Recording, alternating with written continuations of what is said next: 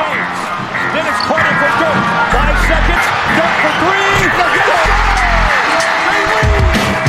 Van a zaj, nincs egyszer a végén, ha battog a spalding Minden nap élmény, blokkok és zsákok Na gyere megmutatom, ez NBA szerelem Keleten, nyugaton, robban a zaj Nincs egyszer a végén, ha battog a spalding Minden nap élmény, blokkok és zsákok Na gyere megmutatom, ez NBA szerelem Keleten, nyugaton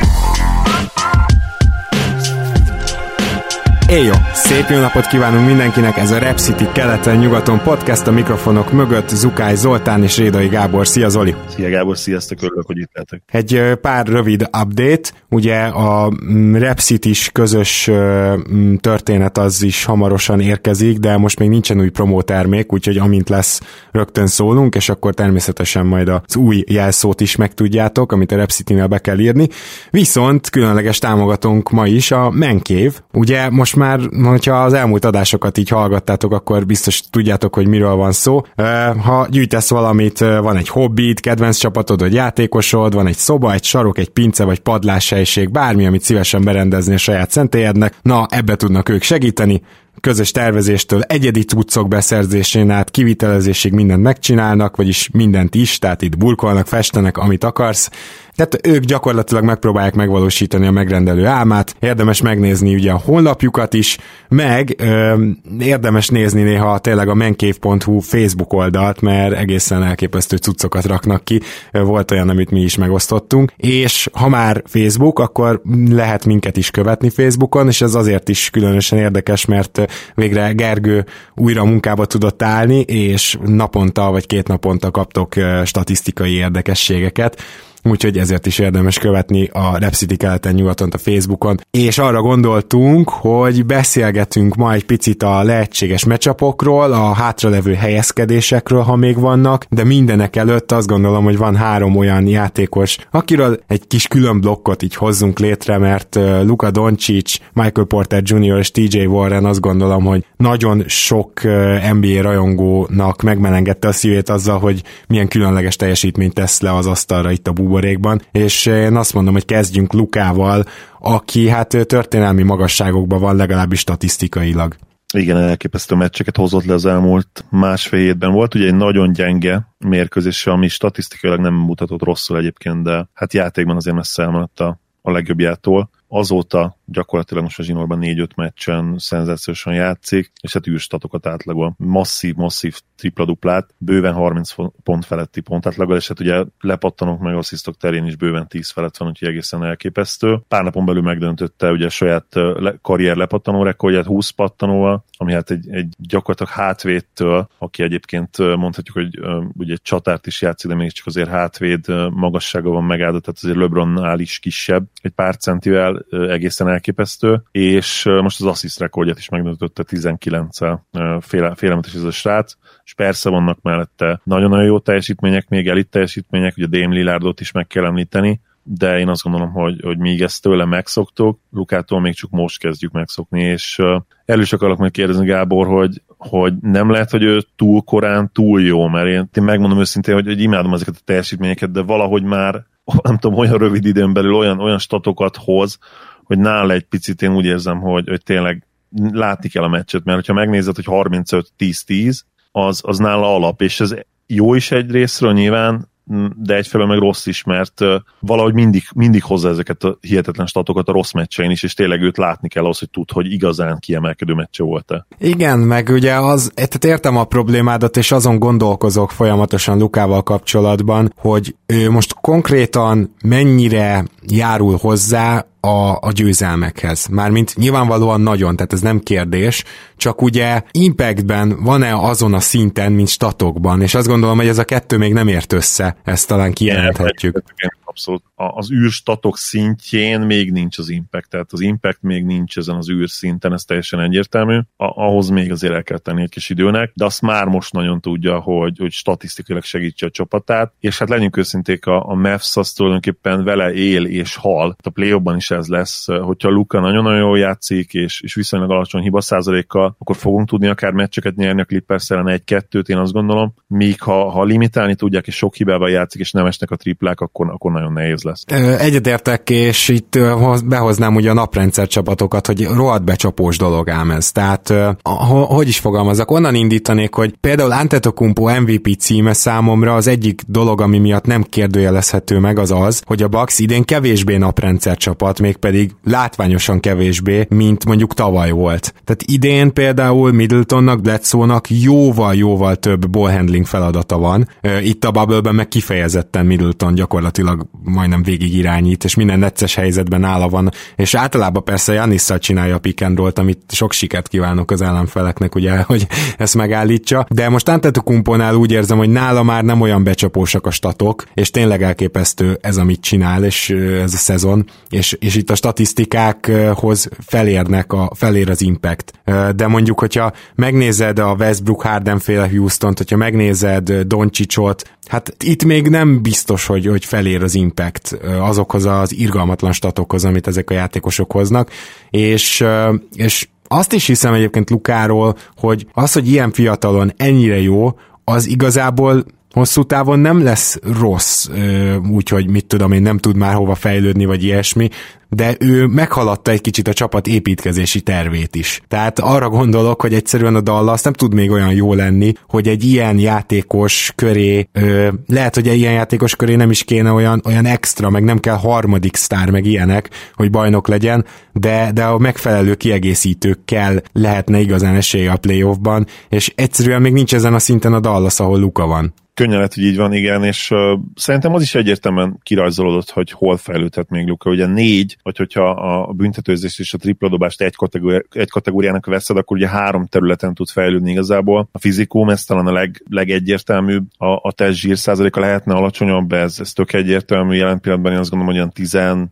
12-3 százalék környékén lehet, ami azért egy NBA játékostól egy picit én azt gondolom, hogy magas, nem vészes persze, nincs, nincs rossz formában, ahogy szoktam mondani, a motorház tető alatti motor az, az, az rendben van. Kondíció nagyon-nagyon jó, nyilvánvalóan beleteszi a munkát a, a, a futóedzésbe, és, és ugye a kondicionáltságba, kivéve ugye ez a része, ez a, valószínűleg az étkezés egyébként nyilván bele kéne látni ahhoz, hogy, hogy tudjuk az ok- okokat, vagy ugye az is benne lehet, hogy, hogy szimplán a genetikai nem feltétlenül olyan, hogy, hogy mindig ez az alacsony testzsír százalékkal mászkáljon.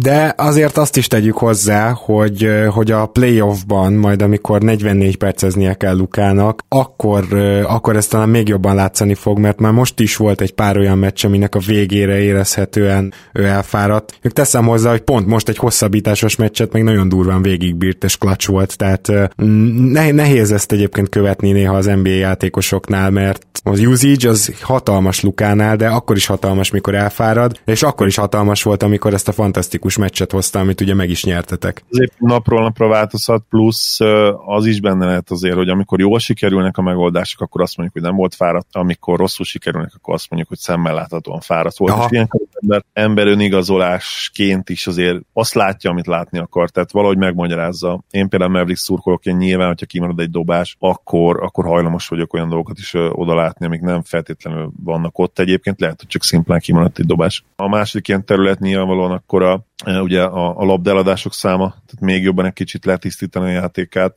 Ugye most láttuk, hogy mi az a max potenciál, ami benne lehet, ami nyilván nem 19 per 2-es, ugye assist to turnover ratio, assist labdeladás arány, hanem, hanem persze ennél lényeg, lényegesen alacsonyabb, de a legjobb estén ilyen teljesítmények is kijöhetnek, és ezt kellene állandósítani. Nyilván ez, ebben az is segít, hogyha még jobban összezokik a csapattársakkal, mert ugye sok labdeladás pont azért van. Azért történik, mert ő meglát olyan passz lehetőségeket is, amik lehet, hogy nincsenek is ott, vagy, vagy legalábbis a csapattársa nem tudja úgy kezelni. És hát a harmadik dolog ugye pedig a, a dobás, és itt most a büntetőzésre is gondolok, meg a triplázásra is. A triplázásra kapcsolatban egyébként nem nagyon lehet olyan pozitív visszacsatolás. Luka eddigi pályafutás alatt még nem mutatta meg, hogy hosszú távon magas kísérlet mellett akár ilyen 38-39%-os triplázó lehet. Ezért reménykedem, hogy benne lehet ez a pakliban. De a 35% azt gondolom, hogy mindenképp meg lesz néhány szezonban, a, a többi az még képlékeny.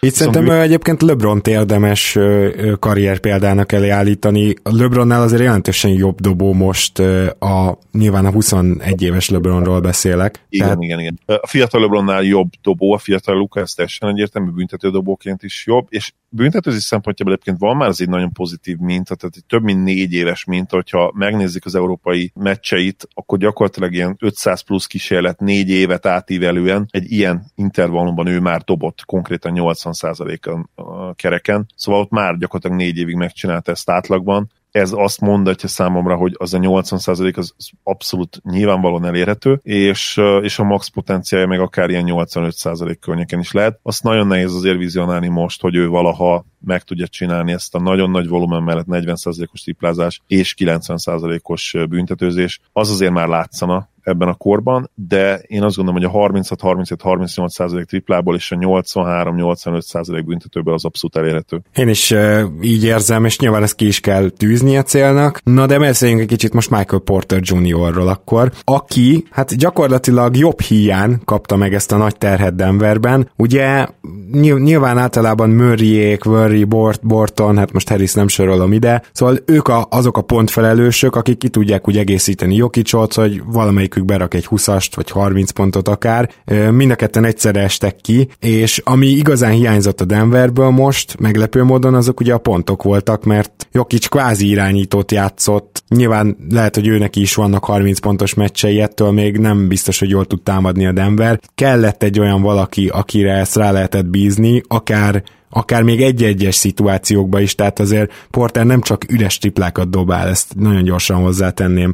Betör, katol, akár egy az egyben megveri az ellenfelét, és, és így, hogy kellett egy ilyen játékos megmutatta, hogy ó basszus, bizony ő erre képes. Én azt gondolom hogy Porternek a, a potenciája az például sokak számára talán meglepően hamar látszik a, a sok sérülés után, és igazából amióta túl van ezen a problémán, azóta olyan jelentősebb sérülésbeli visszaesés nem is történt vele, úgyhogy pont erről beszéltek a Dangdomban is, hogy érdekes, a embernek el kell kezdeni azon gondolkozni, hogy hogy legozzon az embereivel, mert lehetséges, hogy a Jokic Porter duót kell majd körülépíteni, és nem a Jokic Murray duót. Benne lett ez is akár a pakliba, ugye MPG-vel kapcsolatban érdekes, és ezt azt hiszem többször elmondtuk már, őt annó egy per egyre is várták, tehát egy elképesztő középiskolai tehetségről beszélünk, aki magában ötvözte azt a nagyon-nagyon ritka kombinációt, hogy, hogy atletikusságban, méretben, wingspanben és, és készségekben is, is ott volt tényleg az elitben, az, az úgynevezett five-star prospect, ugye ez öt csillagos kosárlabda játékos, és hát ugye utána jöttek a sajnálatos sérülések, ráadásul hátsérülés, ami ugye egy félig meddig magas embernél, mert ő azt ugye tudtuk, hogy, a, hogy az újkori NBA-ben ő mindenképpen erőcsatár lesz, független attól, hogy vékony, hát nagyon-nagyon aggályos volt. Most már elvileg nincs a lábán az a, az a ilyen protézis, vagy nem is tudom, minek hívják ezt, ami abban segítette annó, ugye, hogy ne húzza a lábát maga után, mert az idegsérülés, a hát idegsérülésnél ez sajnos egy, ennek egy folyamánya volt, és, és az igazság, hogy egyre jobban néz ki, robbanékonyabb, a, a triplája nagyon-nagyon kiegyensúlyozott, ami jelen pillanatban a főfegyver, én azt mondom, tehát ki kell rá lépni, most épp egy 1 per 8-as meccset hozott le, de előtte 4 per 7, az előtt 5 per 9, az előtt 4 per 6. Nagyon-nagyon stabil a triplája, és elit lepattanozó. Jelen pillanatban két dolgot csinál majd, hogy nem elit szinten, de ugye kicsi még a minta, egyik a lepattanózás, a másik pedig a pontszerzés, és, és ahogy mondtad, mindenféle szituációból pontot tud, pontot tud szerezni, katokból, de spot-up triplákból is, és most már elkezdett minimálisan szervezni is, bár ez nyilvánvalóan egy olyan dolog, ami, amire nem feltétlenül lesz szükség Jogic és Murray mellett. Igen, de, de ugye hasonló utat járhat be, mint mondjuk Jason Tatum, csak azt gondolom, hogy támadásban magasabbról indul egyértelműen, mint Tatum. Védőként én megkockáztatom, hogy soha nem lesz olyan jó, mint, mint Tatum, főleg az idei szezon igen. Volt, kicsit már csalunk. Viszont támadásban scorerként még nagyobb potenciál van benne számomra is. Ezt én is így gondolom. Hozzátéve, hogy Térum is egyébként fenomenális támadójátékossá érett. Igen, bár ugye Tétum még mindig egy kicsit inkonzisztens, ezért is mondtam azt, amikor volt az a fantasztikus februárja, hogy a Boston drukkereknek kifejezetten mondtam, hogy nahogy itt azért olyan elvárásokat támaszson, hogy gyakorlatilag most jöntől azt várják, hogy majd egyedül nyer meccseket, meg ilyenek. Nyilván, nyilván nem tart itt, viszont MPJ Murraynek meg még kisebb ez a minta, úgyhogy nyilván itt is azért legyünk óvatosak, kezeljük óvatosan, de nagyon jó, hogy ezek a játékosok a Durant hasonlás verseny résztvevői megmutatják a potenciáljukat, és amit mondtál lepattanózásról, ez tök érdekes, hogy hosszú távon amúgy Jeremy Grant-tel milyen baromi jól kiegészíthetik akár egymást. Mert ugye Grant nyilvánvalóan jóval jobb védő, tehát ő tudná fogni a, a nehezebben fogható periméterjátékost, és emellett meg ugye Grantnek a nagy hibája az, hogy szarpattanózó. Ezt viszont pont, hogy, pont, hogy Porterrel kiegészíthetik egymást így, és, és lehet, hogy egy ilyen tök jó páros tudnának lenni majd 3-as, 4-es poszton. Viszont Grant lejár, ugye? Tehát, hogy kiléphet a szerződés. Igen, kiléphet, úgyhogy őt azért majd meg kell fizetni. Hát ez egy jó kérdés, ugye, hogy mit csinálsz Millsappel és Granttel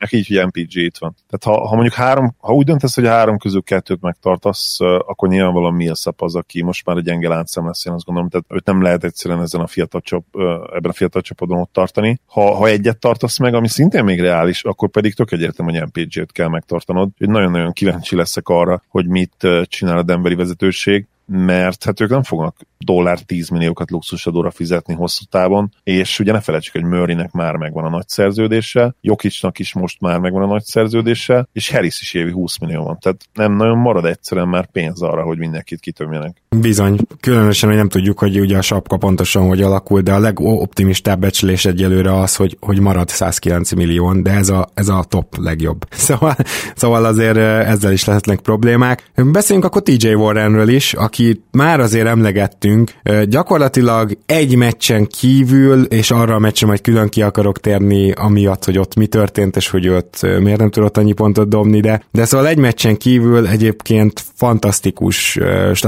statisztikákat hoz pontszerzésben, és teljesen hasonló, hát volumenben dolgozik, mint az előbb említett játékosok. Azt mondanám, hogy azért Warrennek még nem a tripla a legnagyobb fegyvere, jól triplázik, de azért ő sosem lesz az, aki úgy szerez szerintem sok pontot, hogy, hogy tíz triplákat dob rá hatott esetben, hanem, hanem neki, neki viszont az inside játéka, ami már ugye amikor megérkezett az NBA-be, akkor is jó volt, az most csillog-villog így, hogy négy darab shooterrel van körülvéve gyakorlatilag, mert ugye Turner is az, és a három kicsi, mert ugye most négyes játszik Warren, de a három kvázi kicsi is az körülötte, nem nagyon tudják őt megállítani, és nagyon kíváncsi vagyok, hogy ez például milyen kérdéseket vet már majd megint fel ebben a Sabonis Turner történetben, hogy most Turner megint sokkal jobban néz ki, hogy nincs Sabonis, és Warren meg jobban néz ki négyes poszton. Ugyanakkor, amikor volt Sabonis, akkor ő volt a csapat a legjobbja gyakorlatilag. Tehát, hogy,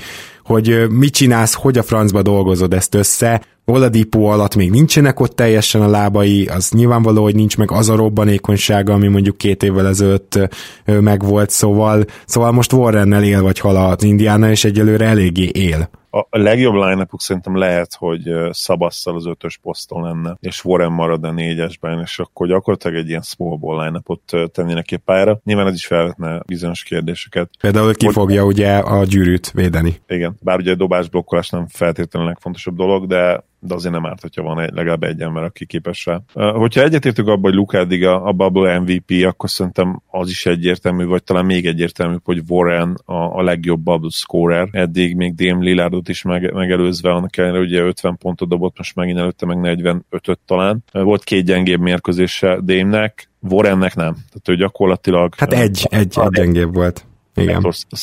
De egyébként meg, meg elképesztett csávó, és ugye is volt egy 50 pluszos, ahogy mondtad, nem elsősorban a tripla az, ami az ő fő fegyvere, bár, hogy, bár hogyha megnézzük a box, box score, bár hogyha megnézzük a box score statjait, akkor azért látjuk, hogy, hogy a jobb meccsén és a, és a nagyon nagy scoring meccsén kellett neki is, de ez nyilván az, az alapvetés manapság. 40 plusz te szerintem a mai ligában nem nagyon dobsz tripla nélkül, vagy az tényleg egy, egy sek, seket kéne hirtelen berakni a közegbe. És ami viszont nagyon meglepő számomra Warrennel kapcsolatban, és ahhoz szerintem rengeteget fejlődött, akár még a bubble előtti állapotokhoz képest, az a ball handling, és, és különösen a, a scoring ball handling, tehát a, a pontszerzésre irányuló labdakezelés. Kicsit ilyen Kawhi Leonardhoz hasonlóan egyébként, ugye Kawhi se szokta hát nagyon fűszerezni az ő labdakezelését, nem pumpálja órákat a labdát, hanem pontosan tudja, hogy hova kell eljutni, pontosan tudja, hogy, hogy oda a, a legnagyobb lendülettel, nagyon jó első lépéssel, és, és hát azzal a fizikummal, ami neki is megvan, föl, nyilván Kawai még sokkal jobb atléta, mint, mint Warren, de Warren is szenzációs ebben, és eljut oda, és megcsinál, és nem nagyon tudod levédekezni, mert, mert annyira erősen és annyira jól csinálni, az kicsit ilyen áthallásos volt.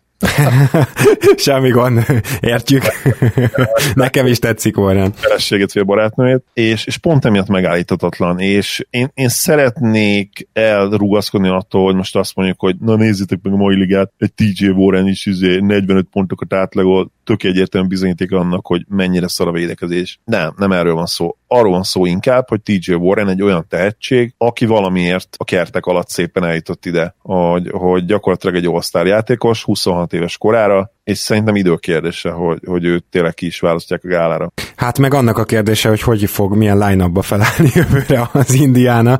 Azt ne felejtsük, viszont tényleg Warrennek a teljesítménye győztes meccseket eredményez leginkább. Van egy vesztes meccs, ahol Warren leszették. És ez pedig a Suns ellen volt, és ez Mika Bridgesnek köszönhető, és tényleg szerintem róla beszélnünk kell, nem hosszan, de hogy mindig csak ilyen, tudod, ilyen utolsó utániként megemlítettük, hogy igen, ő is ott van a legjobb, mit tudom én, 20 védő között, meg hogy igen, ez a srác tényleg nagyon jó védő. Ez itt a bubble amit Mika Bridges-től látsz, az az, hogy egy terror, egy, tehát ő és Ananubi nekem az a két ember, aki, akit jövőre már all defensive second team környékére érdemes számolni, hogyha ezt folytatják. És ahogy Bridges Warrant is leszette, gyakorlatilag aki szembe jön vele, azt leszedi hihetetlenül durva az a védekezés, amit bemutat, és ez e, nagyon kell is a Sunsnak, mert akármilyen szépen mutatnak most támadásban, a védekezésük azért, azért egy Mika bridges az igazi, és nyilván Rubio sem rossz védő, és Aitonról is említsük meg, hogy idén hatalmasat lépett előre, és itt a bubble még jobban tetszik a védekezése, tehát most már, már, már pluszosnak mondanám, nem is nullásnak, de, de Bridges nélkül ez a csapat nem működne így, és az ő védekezése nélkül, és egyáltalán akkor a sztori a Suns szerintem nagyon könnyű beleszeretni most ebbe a csapatba. A Mavs elleni meccsen ő volt az egyik olyan játékos, aki annak ellenére egyébként, hogy három ponttal, nem négy ponttal fejezte be a mérkőzést, most nézem, plusz ötös volt a plusz-minusza, 2 per 9 mezőnyben, 0 per 3 triplából, és ha megnézi a Doncsics statjait, 40 pont, 8 lepattanó, 11 assziszt, és mégis Bridgesről mondanám azt, hogy, hogy a mérleg nyelve volt. Sokszor kicsit egyébként unfair módon is ráfújták a faltot, és, és ahhoz, hogy összejön ez a 40 pont Lukának 18 per 19 kellett a büntető vonalról. Abban azt mondom, hogy 15 legit volt, de, de 4 legalább azért azért nem. És, és Bridges nagyon-nagyon jól játszott rajta, független mondom a 40 ponttól, tehát ezért is tényleg érdemes meccseket nézni, mert, mert hogyha láttatok azt a mérkőzést, amikor Bridges volt rajta, minden megtett gyakorlatilag, és, és tényleg nem rajta múlott, és, és ezért is lett mondom plusz 5 a végére, egy olyan mérkőzésen, ahol egyébként támadásban gyakorlatilag terített Betli volt, és ezzel el is mondtuk az ő legnagyobb, az ő játékának a legnagyobb erejét, ami a védekezés, és, és örülök, hogy kiemelted Rikit egyébként, mert támadásban nagyon jó a bubble eddig, a spanyol spanyol, viszont én pont azt éreztem egyébként, hogy védekezésben már nem a régi, ami azért valahol logikus is, ugye ACS sérülés, a nagyobb támadásbeli terhek, illetve hát ugye most már az életkor is, mert hát ha minden igaz, Riki vagy már betöltötte a 30-at, vagy gyakorlatilag most fogja betölteni. Októberben most nézem 29 még, viszont azért benne, benne van, van azért Kilométer, hát, igen kilométer, azt ne felejtsük el, 15 éves kora óta gyakorlatilag az ACB-ben már megkezdte a profi karrierjét, 15 éve, és ugye ott az évvédője volt 15 és 16 évesen, back-to-back szezonokban egymás után, és hát az olimpiák, a VB-k, az EB-k lehetne sorolni, ke- kellenek a fiatalok mellé ezek a Mika Bridges-ek. Nem tudom, hogy Pető Gábor barátunk hallgatja az adást, de DJ Warren ugye itt is érintett. Hihetetlen tényleg belegondolni, hogy, hogy miért adta oda a Suns őt, és le is nyilatkozta egyébként a napokban maga Warren, hogy, hogy ez bizony elég nagy tiszteletlenség volt, volt csapatától, és motiválja erősen. Hát egyébként a, a Sunsról majd nyilván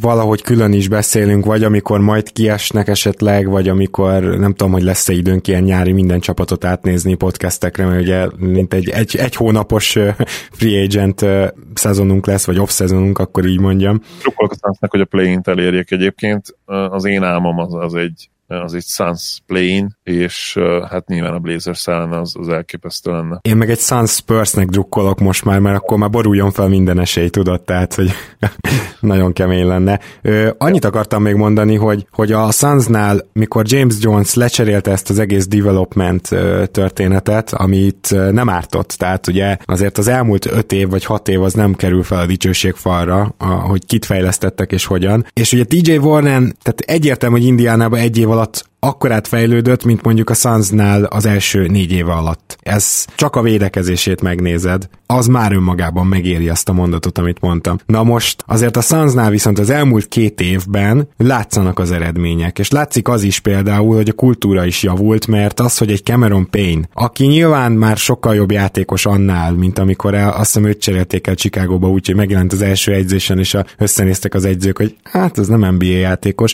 Szóval, hogy ugye ennél már azért jobb játékos, de hogy mondjuk ő hozzá tud rakni, hogy egy támadásban hát csak ritkán bejövő Javon Carter, vagy ritkán jól játszó Javon Carter hozzá tud rakni, ez, ez mindenképpen egy jó kultúrának a, az ismérve, hogy, hogy a, a, azok a játékosok, akik máshol kikopnának az NBA-ből, nálad, nálad meg tudják mutatni. Az is, ahogy Bridges fejlődik, az is, ahogy Aiton most fejlődik, tehát, hogy a Sunsnál azért kezd egy kicsit megfordulni a történet pozitív irányba, és szerintem ennek van, tehát ennek lehet örülni. És hát nagyon vicces volt, a Dangdomba beszélték azt, és akkor felismertem, hogy Cameron Paybe mi olyan furcsa. Mert ugye a Sunsnak egyébként az volt a problémája, hogy mindig, amikor Rubio nem volt a pályán, abszolút megölték őket, tehát gyakorlatilag ott kaptak egy 20-ast bármikor a szezon folyamán. Na most, most van az, hogy Cameron Payne miatt nem, mert, mert tényleg érdembe hozzá tud rakni, de ugye nézed őt, és ilyen nagyon furcsa a dobó mozdulata, és nem csak, hogy balkezes,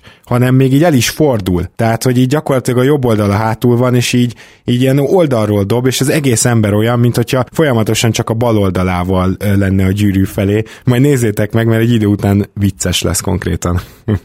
Hát én sajnos ezt is láttam, hanem is az első sorból, de de a TV képernyő előtt, mert uh, jó pár triplát beeresztettek, most megnézem, hogy mennyit pontosan, de... Hú, a dobot vagy hármat, négyet nektek? Kettőt, mondjuk olyan nagyon nem volt vészes, de azt hiszem azokat kulcs momentumba. Az biztos, hogy a harmadik negyedes fordítás során az egyiket, uh, 2 per 5, 40 nem olyan rossz. Valóban nem egy szép tripla, de úgy látszik, hogy neki hatékony így, be tudja dobni hasonlóan Lonzohoz. Na és akkor, ha már a Suns, tehát itt most mik az esélyek, hogyha ezt megnézzük, akkor azt mondanám, hogy a Grizzlies bár még hivatalosan ugye ö, simán lenne esélye, de hogyha megnézed a sorsolásukat, hát én nem tudom. Tehát, hogy, hogy az lehet a Grizzliesnek az egyetlen mencsvára, hogy most már pihentetni fognak azok a csapatok, akik még szembe jönnek, mert ez a Bucks és a Boston. Még van egy meccs előnyük, nem? Uh, rögtön nézem, egy pillanat. Mennyi kettő, vagy kettő a szemben? Mm. Ugye a Blazers az meg fogja őket előzni jó eséllyel. A blazers szemben jelen pillanatban fél meccs az előnyük, az semmi, igen, az valószínűleg elfogy. Ott, ott, ott viszont egy meccs előny még le, kell, hogy legyen, vagy kettő, nem? Azt, azt hiszem. Másfél. Másfél. Figyelj, az másfél meccs előny, az nem sok, viszont ha van mennyi három meccsed, akkor akár elég is lehet. Hát ugye a Grizzliesnek már csak kettő van, viszont az a Boston és a Bucks ellen. Az egyiket meg kell nyerniük, és akkor gyakorlatilag megvannak? Szerintem igen.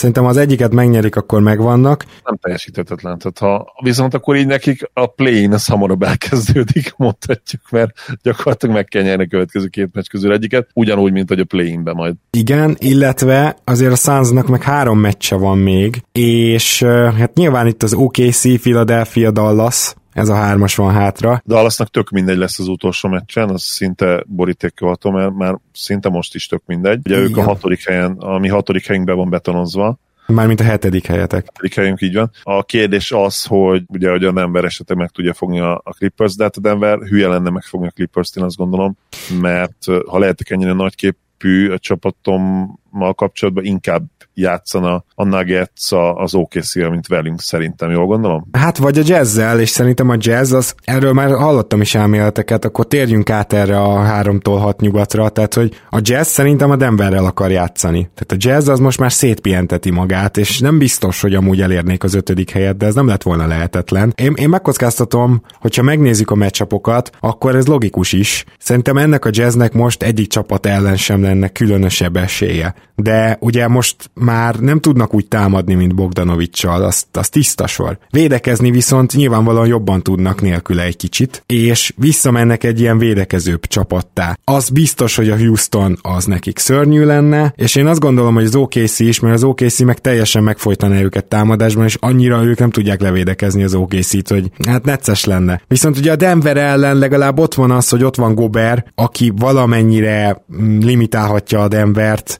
Jokicra nem annyira jó, mert akkor néha ki kell jönni vele, de, de összességében a Denver legalább nem olyan extra védekező csapat. Ez azért jó ellenfél jelen pillanatban, mert a kezdőjükből három játékos gyakorlatilag alig játszott, és formán kívül fognak jó eséllyel a play esni. Tehát én azt gondolom, hogy ez sokkal fontosabb annál, mint hogy egyébként milyen stílusú csapat, vagy hogy egyébként mennyire tartod, vagy tartjuk őket jónak. Én Igen. nagyon jónak tartom őket, tehát talán nem annyira. Sokkal fontosabb az, hogy egyszerűen nincsen a kezdő összerakva, és nincsenek formában többen. Szerintem is ez is nagyon fontos. Én azt gondolom, hogy az is fontos, ha már választhat a Jazz, hogy ne jól védekező csapat jöjjön szembe, és az OKC, és ez a Small Ball Houston, mind a kettő okozna nekik problémákat így vagy úgy. A, a Denverrel az, az a kérdés nyilván mennyire tudják őket megfogni, de teljesen igazad van abban is, hogy, hogy amúgy meg újra össze kell rakni ezt a csapatot Melonnak itt két meccs alatt körülbelül abban nyilván az is szempont lehet még, tehát ha most ugye nekem a Nuggets a, a második vagy harmadik csapatom attól függően, hogy hova sorolom a repset, nyilván az is azért fontos lehet, hogy olyan nagy playoff tapasztalatuk még nincsen. Tehát a Jazz azért évről évre, év, évről évre ott volt a playoffban, ugyanez igaz a, a Rocketsről is természetesen. Mondjuk az OKC-ről nem feltétlenül, most a Jazz nem tudom, és soroltam ide, hogy az ő szempontjukból nézzük. Szóval az OKC-ről nem, de ugye ott van CP3, aki, aki hát azért tudjuk, hogy, hogy elképesztő játékos a play is, amikor épp egészséges, mert sokszor ugye bal szerencsésen megsérül. Értem, hogy miért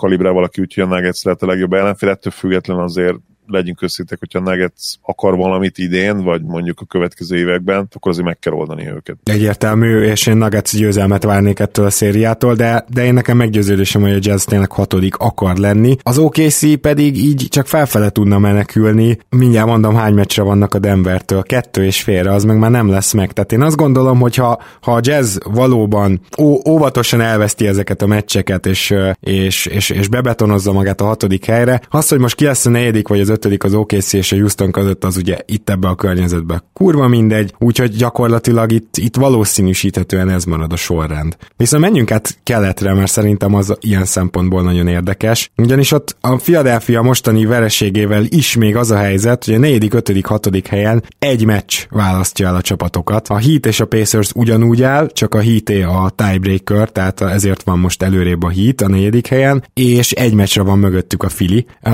hát kérdés az, nyilván, hogy Simons nélkül mire mennek, azt lehet azért remélni, hogy Embiidnek ez a mostani sérülése, ez, ez nem tűnik olyan súlyosnak, de nyilván vele még nagyon óvatosak. Mindenesetre mi, mi a megfelelő stratégia? Mert a negyedik, ötödik helyjel az a probléma, hogy az a box. Jó kérdés. Szerintem a, a Fili ezen a ponton nem foglalkozik azzal, hogy kinek az ága, kinek ki, ki nem. Próbálnak összerakni majd Embiid köré egy olyan, olyan csapatot, amennyiben egészséges kopogjuk le, aminek lehet esélye a play Papíron egyébként a mélységük ezt lehetővé teszi, és ezt is így fura kimondani, de, de elképzelhető, hogy hatékonyak tudnak lenni Simons nélkül is. Nyilván a leges legjobb Philadelphia Sixers, amit elképzeltünk egy-két-három éve, az, az az a verzió, ahol Simons és Embiid nem csak hogy együtt vannak a pályán, de, de gyakorlatilag jó fitek is, amit még nem láttunk és én nem akarom azt a badarságot mondani, olvastam ilyen véleményt is, hogy hát most Simons kiesett, akkor most tényleg, most akkor jó esélye lesz a Filinek, mert ugye lehet Embiid köré építeni a támadójátékot is. Igen, ám csak ugye az a probléma, hogy, hogy Embiid köré nem építetted a támadójátékot teljesen, mert, mert akkor megsérülne a play Tehát ő nem az a munkabírású játékos, aki védekezésben elviszi a csapatot, már pedig ő viszi el abszolút védekezésben a csapatot. Simons ide vagy oda, aki szenzációs védő, de, de Embiidnél van az impact, ezt tudjuk, ezt láttuk, és egyszerűen nem lehetséges az, hogy, hogy ő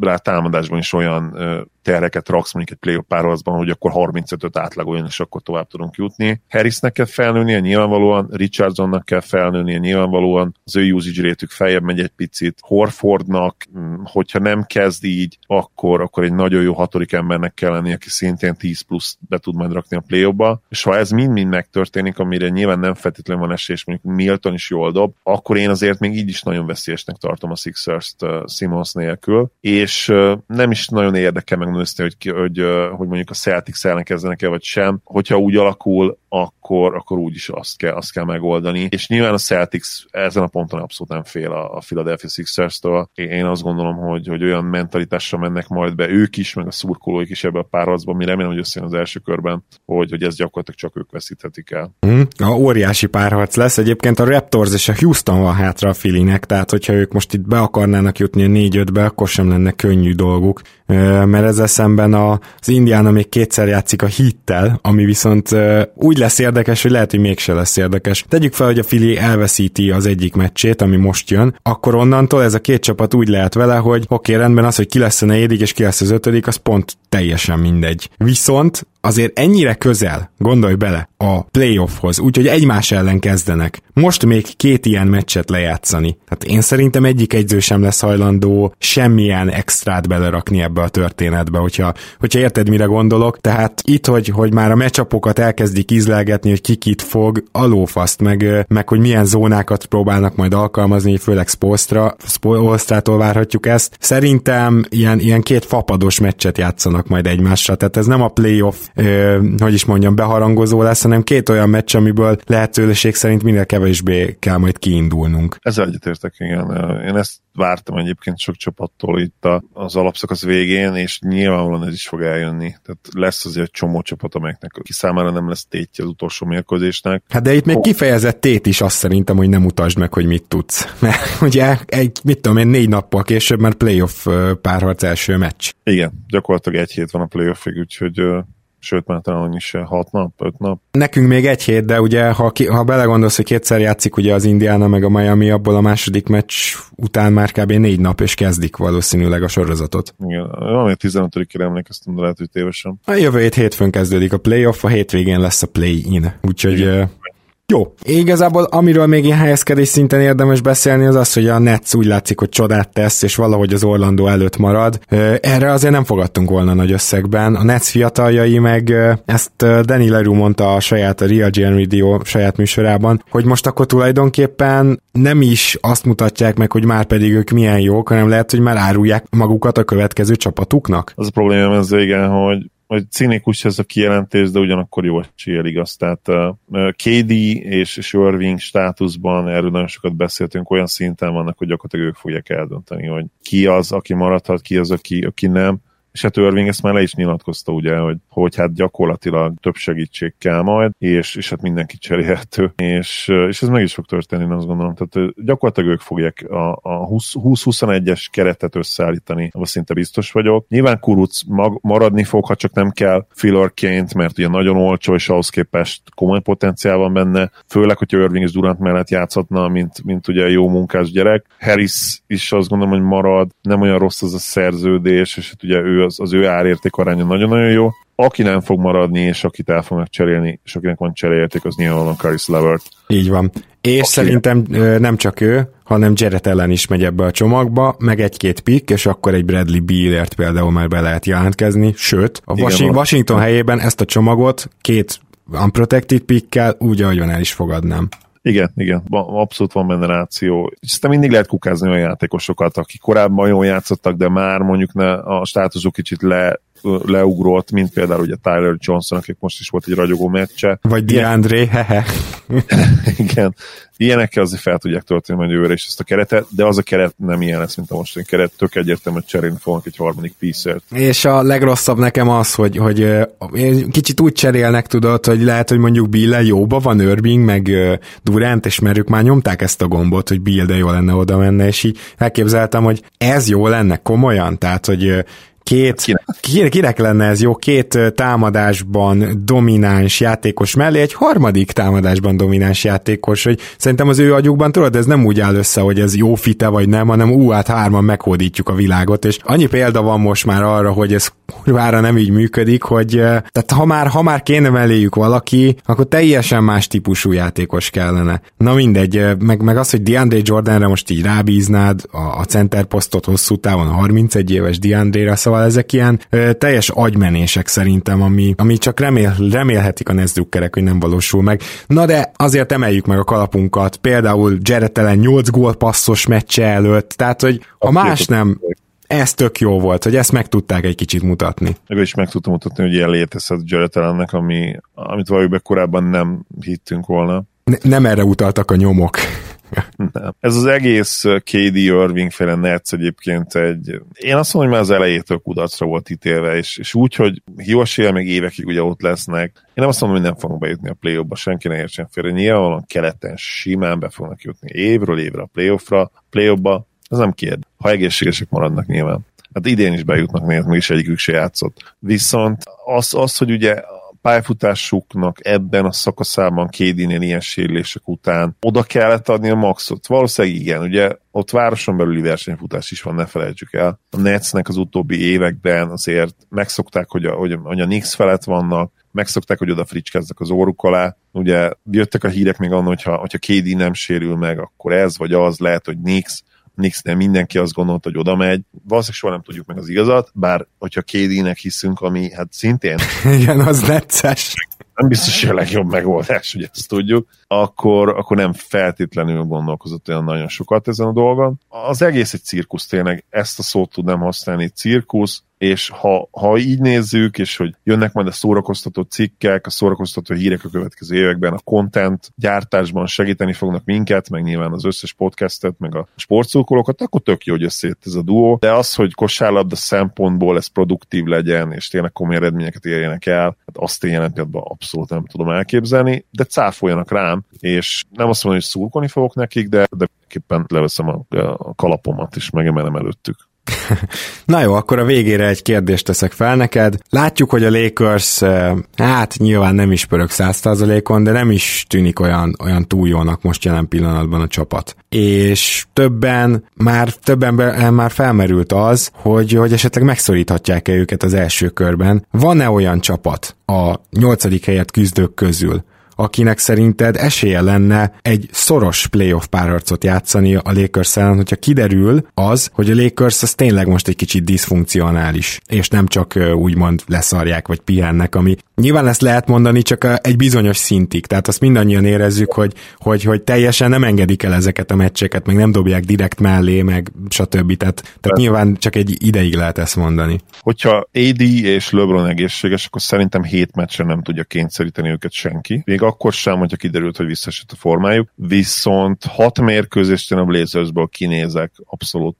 Két olyan perimeter scorer van náluk, akikre jelen pillanatban nem nagyon van embere a Lakersnek, ha csak LeBron nem fog védekezni mondjuk Damon, de ezt nyilvánvalóan nem fogja megtenni, hiszen akkor ugye támadásban ki, ki lesz ott, ki fogja magára venni a tereket, nyilvánvalóan ő. Nurkic is, azért én azt gondolom, hogy alapvetően nem feltétlenül a legjobb matchup Davis ellen, Davis sokkal mozog. Hát ha Davis centerbe bemozgatják, akkor bajba lesz Nurkic, de hogyha ott ilyen megik lesznek, akkor viszont Nurkic lubickolni fog. Tehát ezen Vogelen ezzel sok múlik majd. Uh, igen, Nurkic, Nurkic be fogja tolni, az biztos, biztos vagyok benne, hogy be fogja tolni meg itt probléma nélkül, Édivel azért más lenne a helyzet. Viszont itt, itt meg úgy vagyok vele, hogy nem hiszem, hogy az lesz a taktika, hogy akkor játszunk Nurkicson keresztül, még akkor sem, hogyha lehet, hogy egyébként az lenne az ideális, mert hát azért Dame és, és kezébe lesz a labda főleg. Mondom, én nem tudom elképzelni, hogy hét meccsre kényszerítsék a de hat meccs abszolút benne van a pakliban, és elképzelhető, hogy még ott lesz, ott fog a határon táncolni egy-két mérkőzés. Nem tudom elképzelni azt, hogy a Lakers jelen pillanatban nagyon simán kiejtse a, a Blazers, azt a Blazers-t, amelyik mentálisan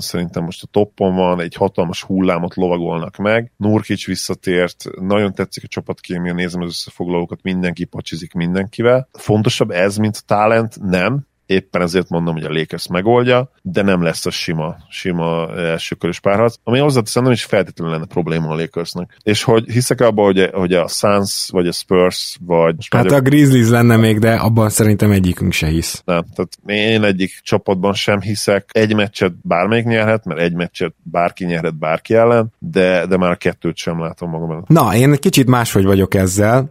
Azzal teljesen egyetértek, amit mondtál lakers kapcsolatban. Annyira megszorít állítani nem lehet őket, hogyha egészséges LeBron is éli. Tehát én is ezt mondanám ezeknek a hangoknak, akiknek feltettem ugye a kérdését, hogy akár meglepetés is születhet, nem valószínű, de én nem a Blazers, hanem a Suns látom ennek a, ennek a négyesnek jelenleg a, a legjobbjának, és tényleg kifejezetten a forma miatt, mert a Blazers hiába van jó formában, egy guruló üres kerekesszéket sem tudnának megfogni. Most lehet, hogy túloztam, de nem olyan sokat. A Sunsba viszont pont beszéltük a védekezésbeli javulásukról. A Sunsba látok ilyen szempontból nagyobb potenciált, hogy ők nem csak támadni tudnak, de védekezni is. Szerintem most jobbak a, a, a Portlandnél, és nyilván a következő meccsek náluk még, még nagyon sokat jelenthetnek ilyen szempontból, ha ők például 8-0-val kimaxolják ezt a buborékot, akkor, és, és be is jutnak a, play, a play-inen keresztül mondjuk a, a nyolcadik helyért, akkor én a Sunsba látom azt, hogy megszoríthatja a lakers nem látom, hogy legyőzheti, de ez a Suns ez nekem nagyon legitnek tűnik most, úgyhogy majdnem ugyanazt el tudom mondani, csak nem a blazers hanem a lakers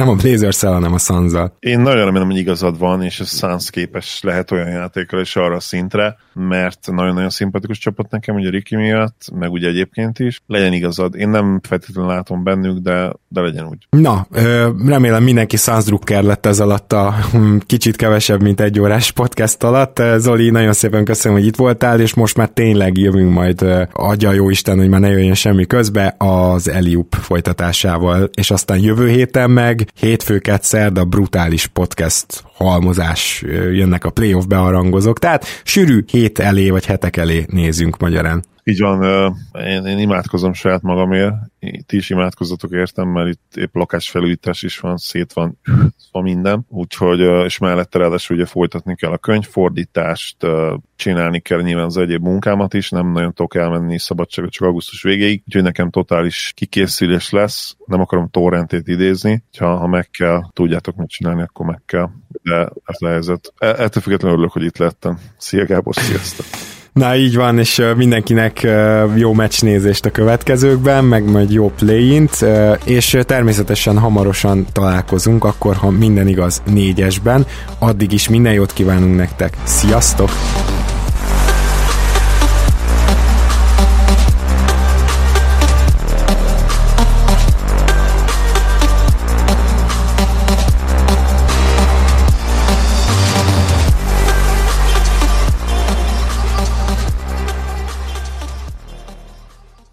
Ha más podcastekre is kíváncsi vagy, hallgassd meg a Béton műsor ajánlóját.